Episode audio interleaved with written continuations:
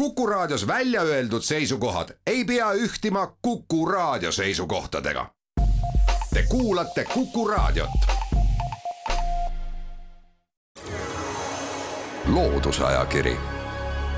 vaata ka looduseajakiri.ee. tere kõigile, ilusat reede õhtu jätku. loodusajakiri alustab. täna on saates külas teadusajaloolane Erkki Tammiksaar. tervist. tere. mina olen saatejuht Tiia Rööp me hakkame rääkima Eesti loodusest, ajakirjast Eesti Loodus. seda kahel põhjusel. esimene põhjus on aastast tuhat üheksasada kolmkümmend kolm, kui ajakiri Eesti Loodus ilmuma hakkas. sellest tähtpäevast on saanud nüüd üheksakümmend aastat ning teine oluline aastanumber ajakirja Eesti Loodus, ütleme nii, eluloos on aasta tuhat üheksasada viiskümmend kaheksa, siis hakkas Eesti Loodus taas pärast seitsmeteist aastast pausi ilmuma ning nii sealt edasi siis viiekümne kaheksandast aastast kuuskümmend viis aastat ajakiri Eesti Loodus ilmunud on. kelle ideest või kelle mõttest sündis ajakiri Eesti Loodus? no see on nüüd niisugune pikem teema selles mõttes, et me peame üldse vaatama eestikeelse loodusteadusliku hariduse arengut. teatavasti tuhat üheksasada üheksateist tehakse eestikeelne Tartu Ülikool ning äh, eestikeelseid teadlasi on tegelikult vähe. Need, kes nii-öelda eestikeelset teadust teeksid, Johannes Piiper, Heinrich Riikoja ja mitmed teised, need olid tegelikult kõik kooliõpetajad, ega neil ei olnud ju tegelikult puhtteaduslikku nagu haridust ja tegelikult ka eesti keel oli täiesti arendamata kui teaduskeel. see vajas ka tegelikult tegemist ning see esimene põlvkond Eesti õppejõude, mainisin siin Riikoja, Piiper mitmed teised veel, nad leiavad, et tuleb teha eestikeelne ajakiri.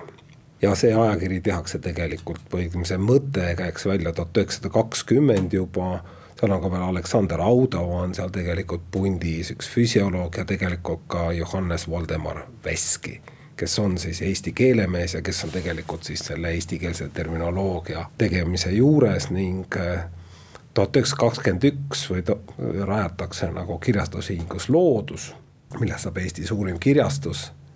ning tuhande üheksasaja kahekümne teisel aastal hakatakse välja andma ajakirja Loodus.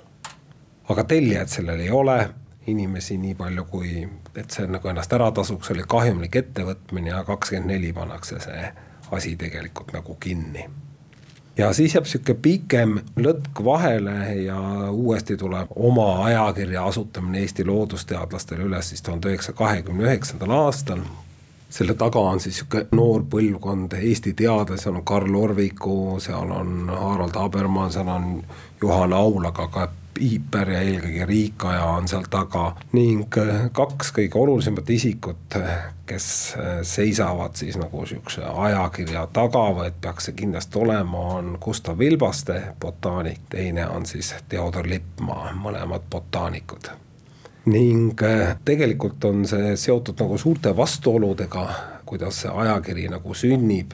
sellepärast et kui me vaatame eestikeelset Tartu Ülikooli, siis õppejõudude arv oli piiratud. sul oli ära määratud, palju sul on professoreid, palju sul on riigieelarvelisi dotsente ja kõik ülejäänud said siis raha ülikooli, mingi väikseid summasid on, nad olid eelarvevälised inimesed ja siin ongi just need kohtade pärast käib äge võitlus ning tuhande üheksasaja kolmekümnendal aastal enam Edmund Spoor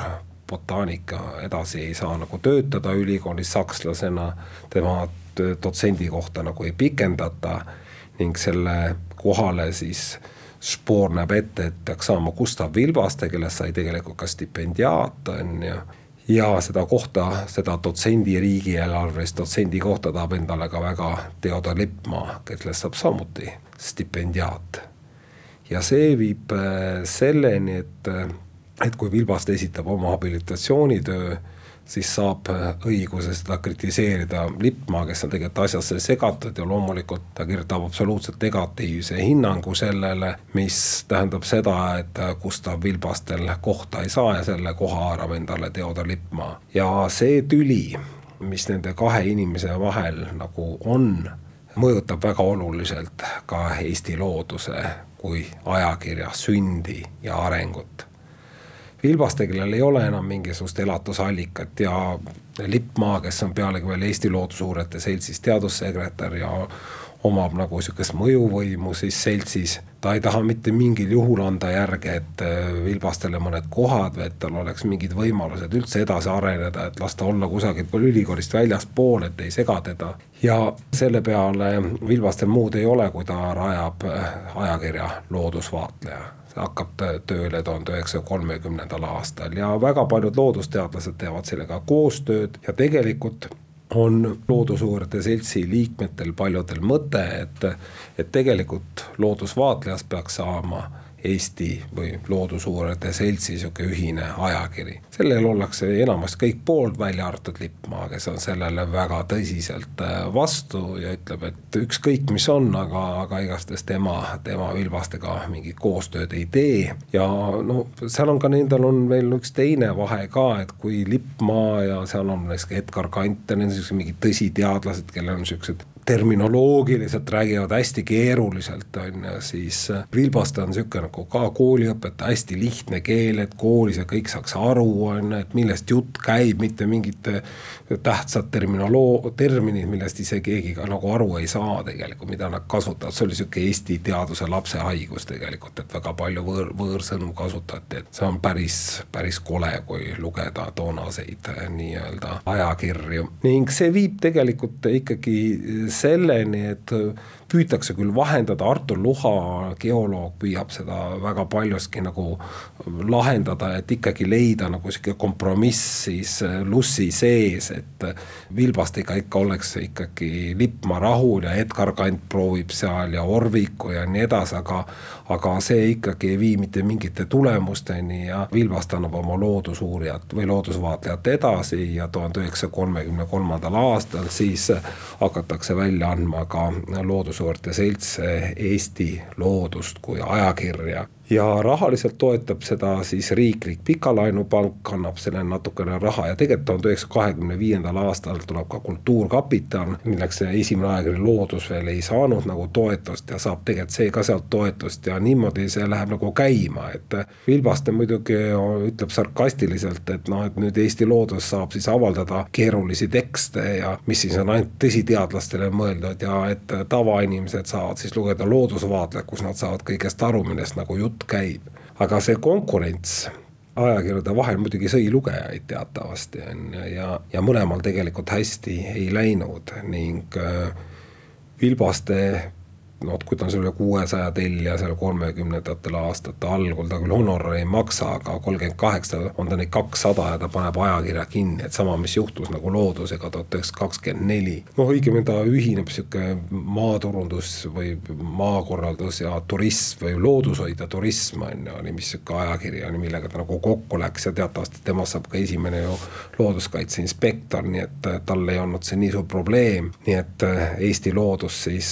jääb nagu üksi turule seal tuhande üheksasaja kolmekümnendate aastate teiseks pooleks, kokku ilmub siis kuus numbrit aastas on ju. ja seal on väga eriilmelise sisuga asju, et noh, on nii populaarteaduslikumad, aga pigem on rohkem sihuke tõsisemad teaduslikud asjad ja see on ka noh, ikkagi seotud nüüd üks väljund oli see nagu lühemate artiklite kirjutamiseks siis Eesti loodusteadlastele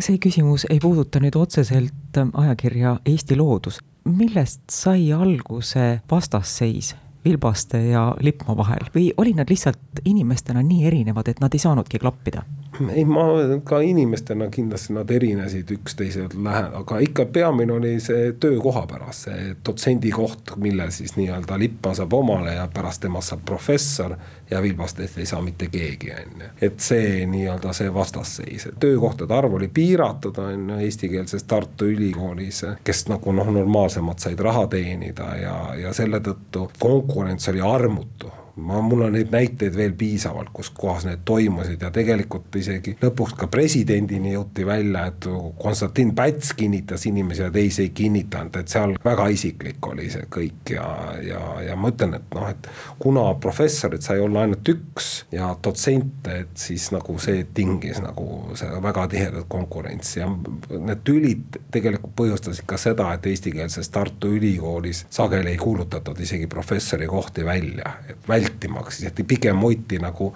siis neid äh, kandidaate, kes oleks võinud professori kohale saada, hoiti siis erakorraliste abiõppejõududena, et muidu see tüli oleks väga suureks paisunud nii nagu sa rääkisid, kui ajakiri Eesti Loodus ilmuma hakkas, siis ta hakkas ilmuma Eesti Loodusuurijate Seltsi väljaandena. kui Eesti Loodus uuesti hakkas ilmuma aastal tuhat üheksasada viiskümmend kaheksa, siis tuli ta juba toona siis Eesti NSV Teaduste Akadeemia häälekandjana. kas ajakiri oma olemuselt muutus? Ma arvan kindlasti mitte ja tegelikult ikkagi see viiekümne kaheksanda aasta ajakiri oli puhtalt siis tuhande üheksasaja neljakümne esimesel aastal ilmus ju viimane number, et noh, tegelikult nelikümmend oli see valmis, aga nelikümmend üks veel ilmus, on ju, üks niisugune kaksiknumber, on ju. et see oli selle õigusjärglane, et äh, tegelikult peab ütlema niimoodi, et äh, sõja ajal ju tegelikult loodeti ka seda ajakirja ju edasi välja anda, aga no seal Loodusvarade Selts ei saanud kuni tuhande üheksasaja neljakümne neljanda alguseni nagu tegevusluba. Ja noh, tegelikult neid ajakirju nagu koguti, aga noh, paberipuudus oli samamoodi noh, ütleme seal neljakümne neljanda aasta veebruaris ju teatavasti ka läks rindel olukord niivõrd keeruliseks, et venelased tulid nii kiiresti peale, et väga paljud mehed ju teatavasti ju mobiliseeriti, on ju, läksid võitlema ja see kõik tegelikult pärssis nagu seda tööd, aga pärast sõda, pikka aega ju või noh, toimetas ennem sõda ka Harald Habermann teatavasti Eesti loodust Eesti ajal ja neljakümne viiendal aastal, kui ta on ülikooli siis äh, õppeprorektor, siis ta otsustab, et püüaks nagu taastada Eesti loodust ja tegelikult äh, isegi EKP Keskkomitee nagu lubas seda ilmuma, aga ühtegi numbrit ei ilmunud. et ju siis kas Moskvast ei tulnud, paberiprobleemid olid kindlasti nagu suured ja tegelikult Eesti teadlastel nagu puudus, noh, ütleme loodusteadlasel puudus ju väljund, et kuidas seda nagu teha ja viiekümnendal aastal pandi ju ka Loodusuurijate Selts kinni, ta hakkas ju nelikümmend viis või hakkas ju tegelikult ju tegutsema ju. nelikümmend neli juba, et noh, ta tegutses ju seal Nõukogude okupatsiooni esimestel aastatel edasi ja viiskümmend pandi kinni ja noh, no ütleme, ülikooli toimetised olid ainus, kus kohas sa said nagu avaldada loodusteaduslikke nagu uurimusi, aga siis tuleb äh, Stalini surm, Hruštšovi sula on ju viiekümnendad viiekümnendate aastate keskpaigas ja tuhat üheksasada viiskümmend viis ju hakkab Loodusuurijate Seltsi aastaraamat ilmuma. Ja viiekümne kaheksandal aastal siis taastatakse uuesti siis Eesti loodus, järjekordselt on Habermann selle taga, Erik Kumari räägib sellest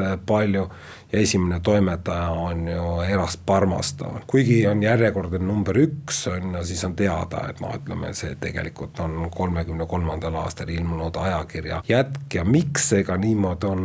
et see just ilmub nagu Teaduste Akadeemiale, sest teatavasti kõik äh, seltsid mis said tegutsema hakata jälle seal viiekümnendate aastate keskpaigas, töötasid kõik Eesti NSV Teaduste Akadeemia nii-öelda nagu alluvuses või noh, sealt jooksis nendele raha, kui Eesti ajal nad said raha liikmemaksudest ja, ja ülikool natukene toetas ja Saksa okupatsiooni ajal samamoodi, siis Nõukogude süsteemis ähm, olid seltsid kas siis iseseisvad või noh, ütleme, või enamasti noh, ütleme niisugused suuremad said kõik raha siis Teaduste Akadeemiate kaudu ka Geograafia Selts ja kõik nad kuulusid sellisel moel, nii et Geograafia Selts tegelikult eraldi, aga Loodusuurijate Selts ja Eesti suuremad seltsid ühendati siis või allutati Eesti NSV Teaduste Akadeemiale. ja see tagas neile ka stabiilse sissetuleku, mis oli nagu oluline ja selles mõttes polnud vahet, kes seal seda välja annab, et sisuliselt Luss oli ikkagi nagu selle juures.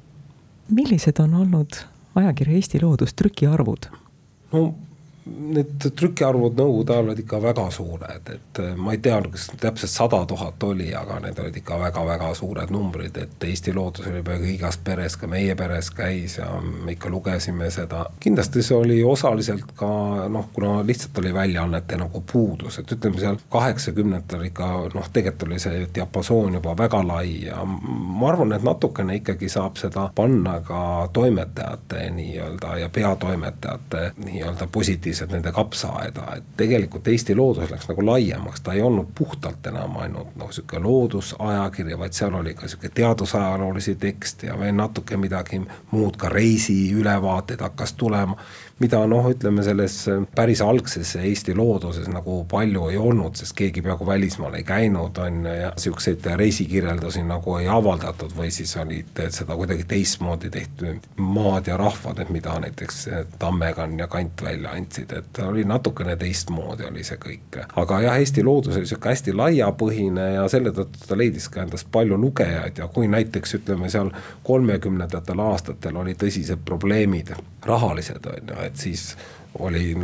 Loodusjuurdluse Selts tahtis, et ministeerium niimoodi võtaks ka kohustusliku kirjandusena selle koolidele, aga, aga näiteks ministeerium keeldus sellest, on ju. siis eh, nõukogude perioodil oli ta ju kõikide koolide eh, nii-öelda telliti sinna ja, ja, ja seda sai nii-öelda siis õpilased lugeda, selle põhjal tehti siis uurimustöid, on ju ma arvan, et kuna noh, ütleme sotsiaalmeediat nii palju ja kõiki võimalusi on, siis tegelikult on ka ajakirja Eesti Looduse trükiarvud ja müüginumbrid nagu tagasi läinud, aga aga keegi ei kahtle tegelikult selles, et seda on nagu vaja ja kes siis veel, kui mitte meie ise ei tee seda, mis on oluline, vanasti võib-olla olid need ajakirja numbrid, fotokvaliteet oli nagu, nagu halb, et sisu oli hea, siis nüüd on tegelikult ka väga hea väljanägemine ja fotode kvaliteet, paber on ju, mis annab palju juurde, nii et ajakiri on kindlasti noh, palju kvaliteetsem oma väljanägemiselt ja oma fotode kvaliteedi, kui ta oli siin oma nelikümmend ja viiskümmend aastat tagasi. on aeg selleks korraks saade ära lõpetada. aitäh, Erkki Tammiksaar saatesse tulemast, aitäh intervjuu eest. saatejuht Tiir Ööp soovib kõigile ilusat õhtu jätku ja meeldivat nädalavahetust. loodusajakiri vaata ka looduseajakiri.ee